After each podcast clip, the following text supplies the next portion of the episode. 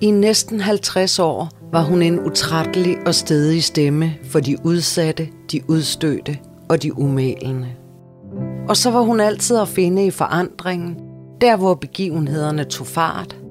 På møderhjælpen, i den allerførste narkotikaafvænding, på Christiania, i arbejdet for de grønlandske indsatte i Hersted Vester Fængsel, og ikke mindst i radioen, hvor unge for alvor fik en stemme.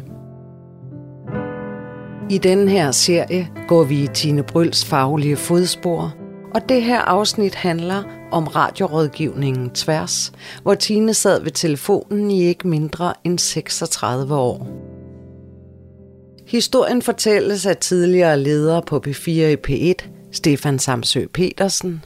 Hele hendes erfaring gjorde jo, hun kunne meget, meget hurtigt aflæse, hvor der var et eller andet, der gjorde endnu mere ondt, og som måske ikke lige var det, de unge havde tænkt sig at sige noget om i første omgang. En tidligere tværsbruger, Cecilie.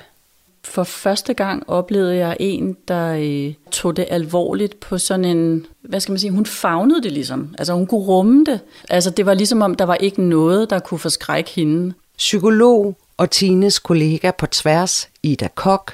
Altså hun var god til at formidle håb og mod. Det kan du godt. Det kan du godt, og jeg synes, du skal gøre det og selvfølgelig Tine Bryl selv.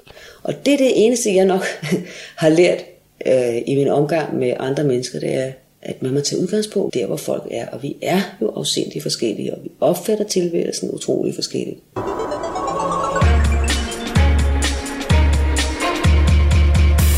Har du brug for hjælp? Ring til Tværs. Hver søndag aften fra 19 til 22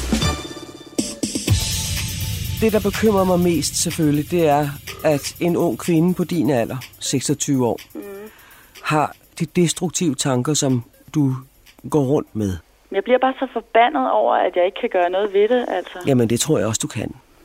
Som jeg husker det, så har jeg, har jeg både lyttet til tværs, og jeg har også været inde på deres hjemmeside, og det var nok derinde, hvor jeg ligesom fandt ud af, at man, når man, man kunne faktisk også skrive, man behøvede måske ikke at ringe derind, fordi jeg var lidt bange for det der med, at man skulle i radioen, og kunne folk nu genkende en stemme, og, og alle de her ting her. Så jeg valgte at skrive til Tine, og, og i bund og grund måske bare øh, skrive hjælp. Det er 20 år siden, Cecilia skrev sin mail. Hun var 26 år, og ville altså i første omgang ikke i radioen. Derfor valgte hun at skrive til Tine på den hjemmeside, der hørte til radioprogrammet. Det var sådan en forholdsvis lang mail, jeg skrev til hende, at øh, tingene bare var blevet for meget, og, øh, og jeg nok egentlig ikke kunne se, hvorfor jeg skulle leve mere. Og at, at jeg måske havde brug for en, der sagde, at det, det, det er nok vigtigt, at du bliver her alligevel, fordi måske er der en løsning på det hele. Ikke? Og så øh, svarede Tine mig, at, øh, at hun ville gerne snakke med mig, i stedet for, fordi at det var... Øh, det var, det var svært at svare på sådan en mail, hvor man måske har en pige, der skriver, jeg overvejer at tage mit eget liv. Så det, det, ja, hvad skal man svare på det?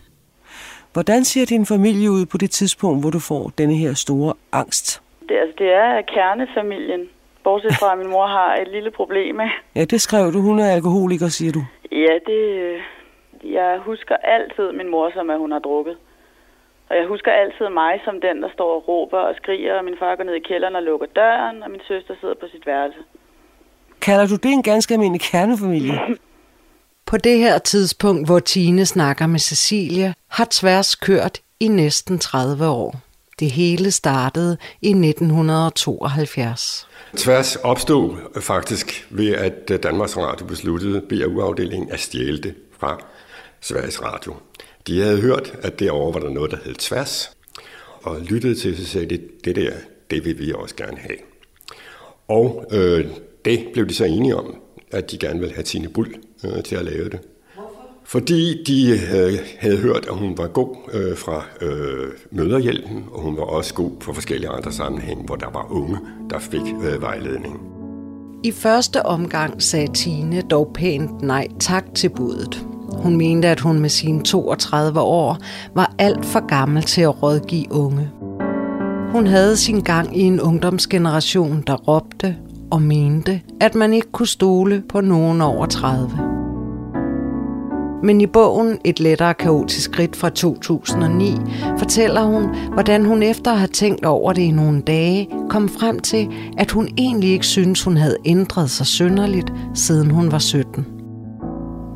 Jeg tror nok, jeg jeg levede meget, meget, meget skjult. Altså fra, fra det, mine forældre vidste om.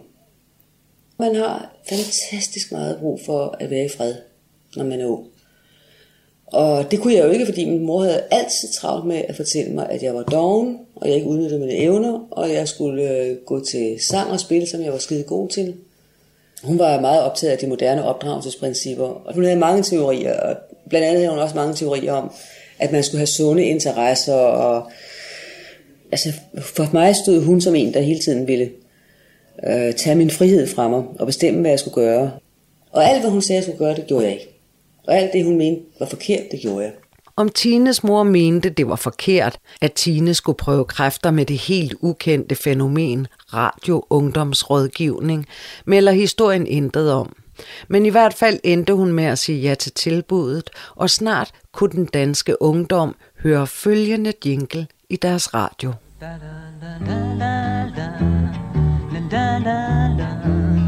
Her kommer tværs. Her kommer tværs. Helt fantastisk. Lavet af Carsten Overskov, der synger med sin stemme på, og spiller sin guitar til.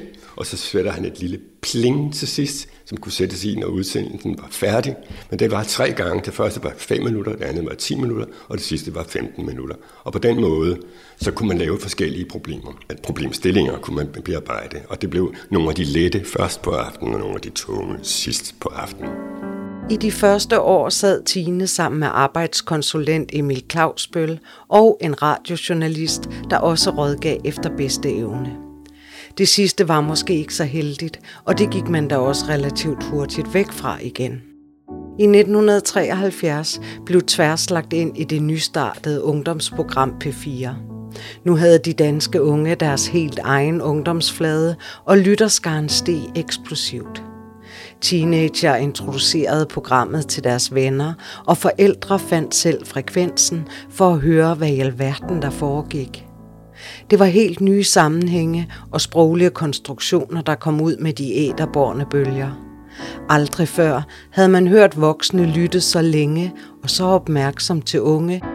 Ja, næsten som om der var ræson i det, de sagde og mente. Vi skal jo huske, at øh, man først stoppede med at slå børnene øh, korporligt i øh, skolen i slutningen af 50'erne, starten af 60'erne, var det stadigvæk ikke sådan, at man ikke kunne tæve øh, ungerne.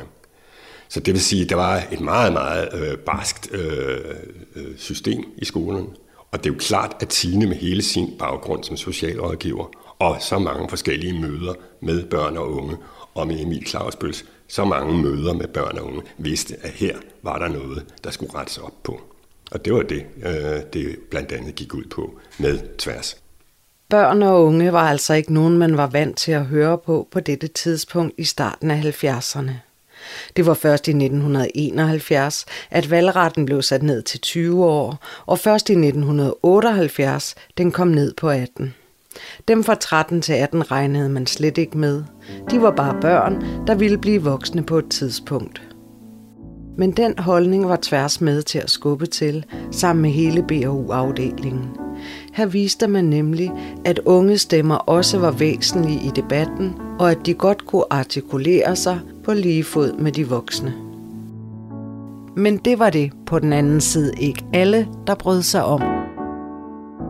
Det, der gør sig gældende for tværsudsendelserne, det var jo, at alle typer af problemer blev vendt. Og det var helt tydeligt, at for eksempel Erhard Jacobsen for Centrumdemokraterne var aldeles rasende på P4 i P1 og på BU-afdelingen som sådan, fordi han mente, det var noget venstredrejet med at sætte børn og unge op mod deres forældre. Og det er jo klart, at der var nogen, der synes, at hvis man fik rådgivning om, hvordan man skulle samtale med sine forældre, hvordan man skulle angribe nogle af de problemstillinger, som man gerne ville snakke med sine forældre om, men som forældrene ikke ville snakke om, altså, var det helt tydeligt, at så oplevede man også, at øh, der var nogen, der syntes, jamen det er at sætte nogen op mod nogen andre, hvilket var en total misforståelse. For tværtimod var Tine altid den, der sagde, kan du ikke snakke med? og det blev lidt af en joke hos os. Kan du ikke snakke med dine forældre om det her? Nej, der er nogle ting, man ikke kunne snakke med sine forældre om. Tine Bryl og Emil Clausbøl fortsatte deres parløb på tværsrådgivningen, indtil Clausbøls stød i midten af 80'erne. På det tidspunkt var programmedarbejderen for længst smidt ud af studiet, og det betød, at Tine nu sad alene. Og det var her, samtalerne for alvor udviklede sig med den intensitet, som mange husker. Samtaler, som nogle gange var en brydekamp, nogle gange et fagntag, ofte begge dele. Og med den energi viste det sig, at radiorådgivning kunne noget helt særligt, som psykolog og tværskollega Ida Kok forklarer. Telefonrådgivning kan noget, fordi der er mennesker, der simpelthen, unge mennesker og andre mennesker også, der simpelthen ikke tør gå hen et sted og få hjælp eller fortælle om deres historie, øh, fordi det er alt for, det føles overgribende, og, og de er bange for, hvad der sker, og de er bange for at komme til at græde og alt det her. Og det der med, at man er anonym, og kan sidde på sit øh, lille kammer øh, sent om aftenen og, og tale med et menneske, som ikke kan se en ind i øjnene, det gør, at nogen får hjælp, som ellers ikke vil få hjælp. Grundlæggende har jeg jo, har jeg jo nok været bange for, at folk mente, at jeg var psykisk syg. Og jeg, jeg tror også, altså det jeg var bange for, da jeg skrev til Tine, selvom at det var det her, den her afmagtsmail, det var jo også, at hun ville vende tilbage og sige, men, men du skal videre i systemet. Altså det, det lyder som om, at du, har, du er psykisk syg, altså det er alvorligt, eller du, du, skal, du skal indlægges, eller sådan et eller andet sindssygt. Altså fordi at, at jeg følte mig meget anderledes. Jeg, jeg synes, folk kiggede på mig, og jeg, jeg var grim og tyk, og Jamen alle, alle de der øh, sådan nogle ting, som gør, at man, man bare i det hele taget svæver rundt hver dag i sådan en eller anden følelse af, at man nærmest ikke engang ved, hvem man selv er. Ikke? Øhm, så jeg, jeg tror, jeg håbede lidt med Tine, at hun måske kunne kigge ind bag, og måske hjælpe mig med at finde mig. Øh, metodemæssigt ved jeg egentlig ikke, om hun havde en metode andet, end hun var Tine med sit nærvær og sin dybe stemme, og når hun startede sådan, hallo, den, den havde hun altid, hallo, hvad har du på hjerte? Og pause. I 1988 blev Tine Bryl interviewet af to presjournalister. Samtalen ligger på nogle gamle kassettebånd, så lydkvaliteten er ikke den bedste. Men journalisterne ville også høre om hendes metode. Og de startede med at spørge hende, om hun ikke efter 16 år på tværs nogle gange bare blev træt, når hun fik en ny seddel fra telefonpasserne med et telefonnummer på et nyt ungt menneske med problemer.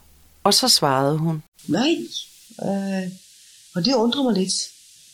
Og det tror jeg, at fordi det aldrig er forudsigeligt, og det er der mange, der undrer sig over, at jeg siger sådan, fordi er det ikke de samme problemer, som folk spørger? Det er de samme problemer hele vejen igennem. Men variationen af måden, de formuleres, og variationen af, hvordan de løses, er jo så mangfoldigt som antallet af mennesker, der bor her. Så derfor er det faktisk, hver gang jeg hører, ser en en utrolig nysgerrighed, jeg har for at se, hvad rummer den person, som nu kommer til at snakke med. Og øh, selvfølgelig kan jeg så blive træt, hvis det er en, som øh, ja, jeg elsker A, men han elsker B og sådan noget. Og hvis jeg ikke strager mig op og siger, jamen hvordan er B? Og nysgerrighed også får videre til C, jamen så vil jeg falde i søvn lynhurtigt og sige, jamen kan du for fanden ikke bare være en af dem? Jeg er nødt til at interessere mig også for A, B og C, som altså er rækken af andre mennesker i den her persons liv, for overhovedet at uh, fatte, hvad, hvad jeg egentlig sidder derfor. Jeg har jo kunnet genkende masser af de tanker og problemer, som alle de personer har i den sammenhæng, hvor jeg jo har skiftevis været den ene eller den anden eller den tredje af dem, og det gælder også far, mor og barn forholdet. Da jeg selv havde fik teenagebørn, var jeg jo lige så interesseret, begyndte jeg at blive vanvittigt interesseret i forældrene. Og når jeg er interesseret i kæresteproblemer, så kan jeg jo fuldstændig som i går huske, hvordan det var at kysse ham, når jeg var forelsket i. Altså hun formåede Tine at øh, skabe et fortrolighedsrum i telefonen, i den lyd, der var. Øh, tingene gik langsomt. Hun var 200% nærværende. Hun var fagnende, hun var rummende, aldrig fordømmende. Og så, øh, så synes jeg mange af hende, jeg har jo lyttet rigtig mange af hendes samtaler, at hun, hun hjalp den unge til at udfolde lige så stille øh, fortællingen med nogle spørgsmål og, hmm, og øh, tilkendegivelser, at hun var med hele vejen. Og hun havde sådan en ro over sig, så, jeg, så man... Jeg husker det som, at, at jeg bare fik virkelig meget lyst til at fortælle. Hele hendes erfaring gjorde jo, hun kunne meget, meget hurtigt høre, aflæse, hvor der var et eller andet, der gjorde endnu mere ondt, og som måske ikke lige var det, de unge havde tænkt sig at sige noget om i første omgang. Men så var hun jo stand til at stille de rigtige spørgsmål og bore sig ind i, hvad der egentlig var, ved at skabe den der nærhed og den der tro på, at de godt kunne sige ting, som næsten var usigeligt. Garanteret stillede hun nogle spørgsmål, som ingen andre har spurgt. Og i rigtig mange tilfælde, så sagde de unge nogle ting, de aldrig havde sagt før. Og de talte om nogle ting, som havde været hemmelige i overvis nogle gange. Der var ingen, der vidste, at jeg skar i mig selv. Det var ligesom, om jeg levede inde i sådan en underlig boble, altså, øh, hvor at, at det inderste af mig blev inde i den der boble. Og så når det blev alt, alt, alt for meget, og det hele bare, det er ligesom om det sådan eskalerede, så, øh, så fandt jeg ud af, at det, der virkede for mig, det var at tage et barberblad og skære i min arm.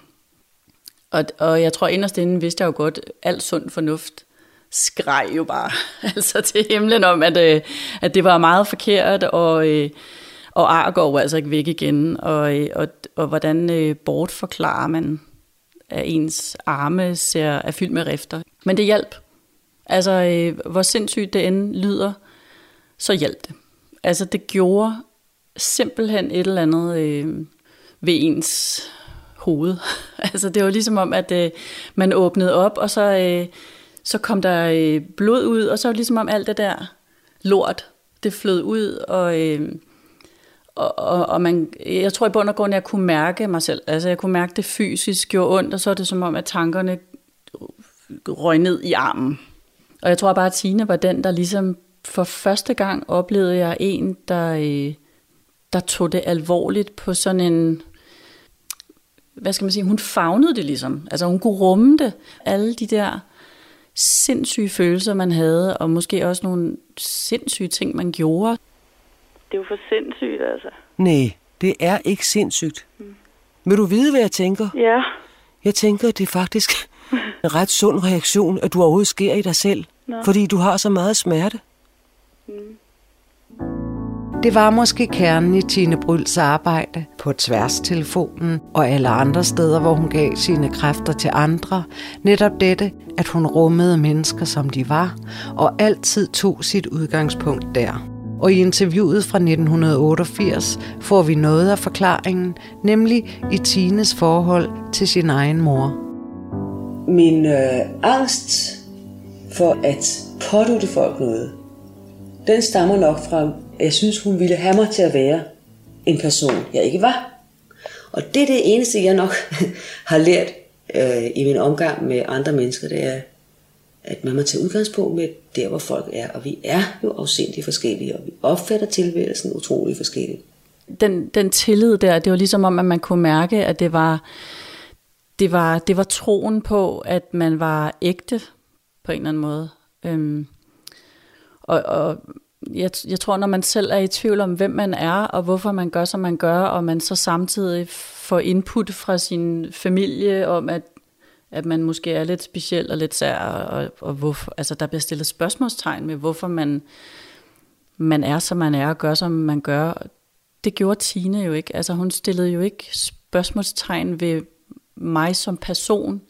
Hun stillede måske spørgsmålstegn ved det, jeg tænkte og gjorde, men men med den tillid til, at, at, man, at man var et reelt menneske. Altså, der var et, et menneske inde bagved. Øh, og når hun så ligesom synes, tror jeg, at nu havde hun sådan en fornemmelse af, hvad var problemet, øh, så slog hun til. Er det ikke bare dig, der var dum? Eller er det ikke bare dig, øh, der ikke siger fra? Eller er det ikke bare dig, øh, der går og klynker? Og så videre, og så videre. Så de fik også et modspil. Sådan los i røven nærmest, ikke? sådan på Tines måde at gøre det. Sødt, øh, altså øh, sødt, men, men sådan, et, øh, sådan lidt, øh, sådan lidt hårdt på en eller anden måde. Ikke? Hårdt og kærligt, tror jeg. Jamen, det er bare mærkeligt, hvis der så er nogen, som ligesom tilbyder at, at hjælpe, men så kan jeg bare, nej, nej, du, det klarer jeg selv. Ikke? Ja, selvfølgelig gør du det, men nu er du altså hos mig. Mm. Og du har ikke sagt nej til, at jeg skal gå videre og undersøge, hvad der ligger. Det tør jeg ikke. Sig nej, nej, det er udmærket, du ikke tør. det vil du heller ikke komme godt afsted Nej. med.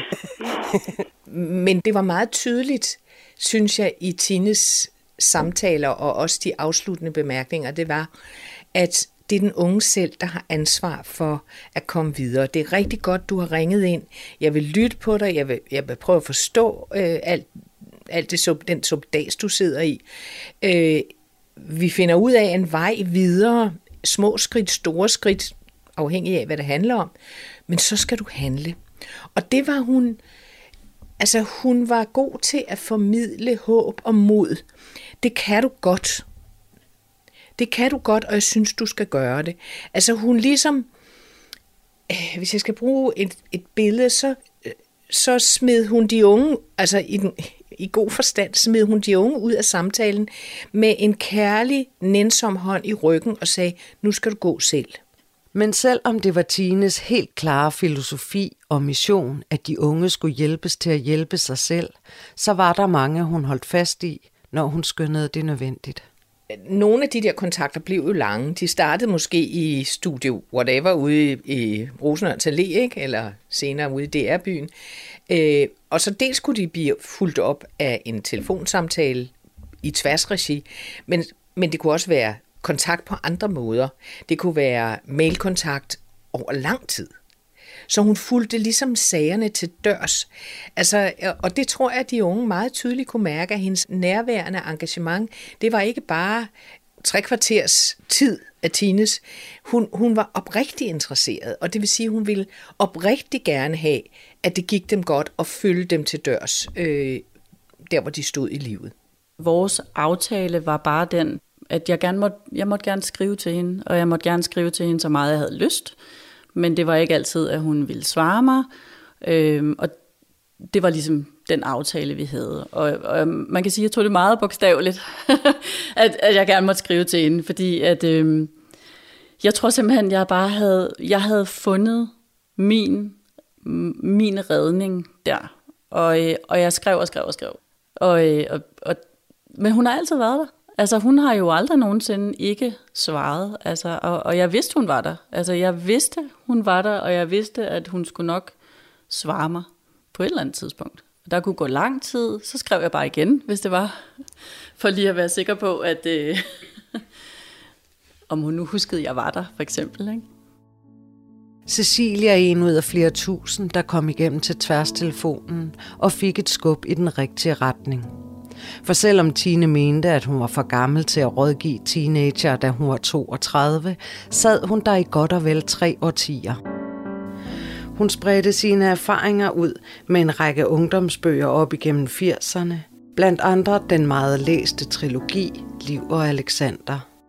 Men helt op til 2008 snakkede hun de unge gennem kærestesorger, ungdomsarbejdsløshed, desillusion, fremmedgørelse, spiseforstyrrelser og ensomhed. Og på den måde blev tværs en umådelig lang række af øjebliksbilleder. Så betød det jo så også, at det billede, vi fik af, hvordan ungdomsverdenen var, at det blev langt mere nuanceret. Og at øh, vi jo via de programmer meget hurtigt kunne se, at her sker der nogle ting blandt unge, som ikke er sket før. Og som det er utrolig væsentligt, at vi tager øh, højtidligt. Hvad enten det er stofproblemer, alkoholproblemer, eller det, at man skærer sig selv. Det er ting, som øh, blev klart og tydeligt øh, via de her programmer hos os. Og altså, vi sidder i den helt fantastiske situation, jeg tror, det var Carsten Sommer, der sagde det, som var vært på P4, som sagde, vi sidder simpelthen her og laver Danmarks historie.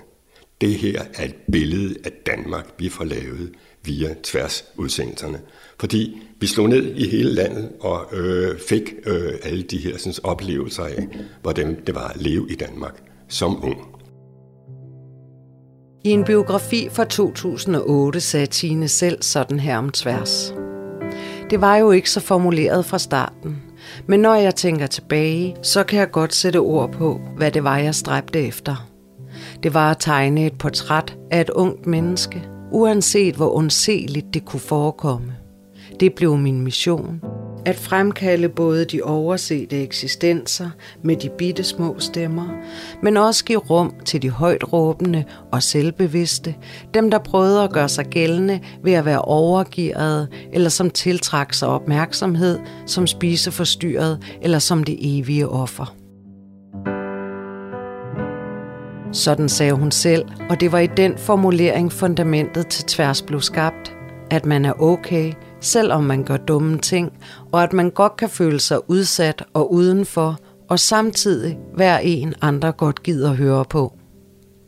Jeg er ikke helt sikker på, hvor jeg måske ville være i dag, hvis jeg ikke havde skrevet den mail. Altså, jeg, jeg, jeg tror ikke, jeg havde taget mit eget liv. Det tror jeg ikke, men, men øh, jeg er ikke sikker på, at jeg havde været lige så afklaret med en masse ting, som, som jeg er i dag. Altså, at jeg har ligesom fået det ud af systemet, og, og jeg har fortalt det til en, som tog det seriøst på sin egen måde. Altså hun var ikke psykolog for eksempel, og man var ikke et... Øh, altså, man var ikke et nummer i hendes øh, faktureringssystem, eller, eller en klient, der nu tiden gået. Og, altså, man, man, var, man var måske bare en ven, altså en, en del af hendes liv på en eller anden måde. Ikke? Og det blev jo ikke kun til mailkontakter og til telefonsamtaler. Det blev også nogle gange til face-to-face kontakt, altså hvor de kom på Uraniavej og, og, og lærte Tina at kende på en helt anden måde. Og jeg er meget sikker på, at den Tine, de så fandt i privaten, den Tine kunne de godt genkende fra telefonsamtalen. Fordi der var en meget stor, synes jeg, integritet og overensstemmelse mellem, hvad Tine gjorde professionelt, og hvem hun var i øvrigt. Jeg har gemt alle de mails der, fordi når jeg sidder og læser dem, så får jeg lige den der, nå ja, hun er derude stadigvæk et eller andet sted. Øhm, og øh, jeg er kommet meget videre, men jeg har jo, altså, der er jo nogle mønstre, man aldrig nogensinde bryder, tror jeg. Og der, øh, der er hendes ord jo stadigvæk. Vi forlod Carsten Overskovs øh, kending, og så blev det øh, en anden, men plinget det blev, jeg tror, det kørte lige så længe som øh, P4 øh, kørte.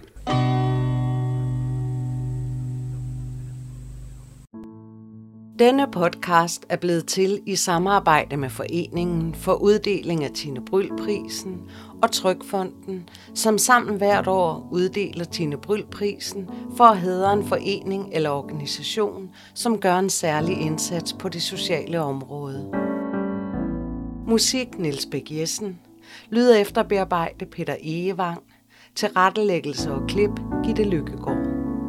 Interview med Tine Bryl fra 1988, venligst udlånt af Erik Valør og Frank Wilsom. Der blev brugt klip fra DR's arkiver.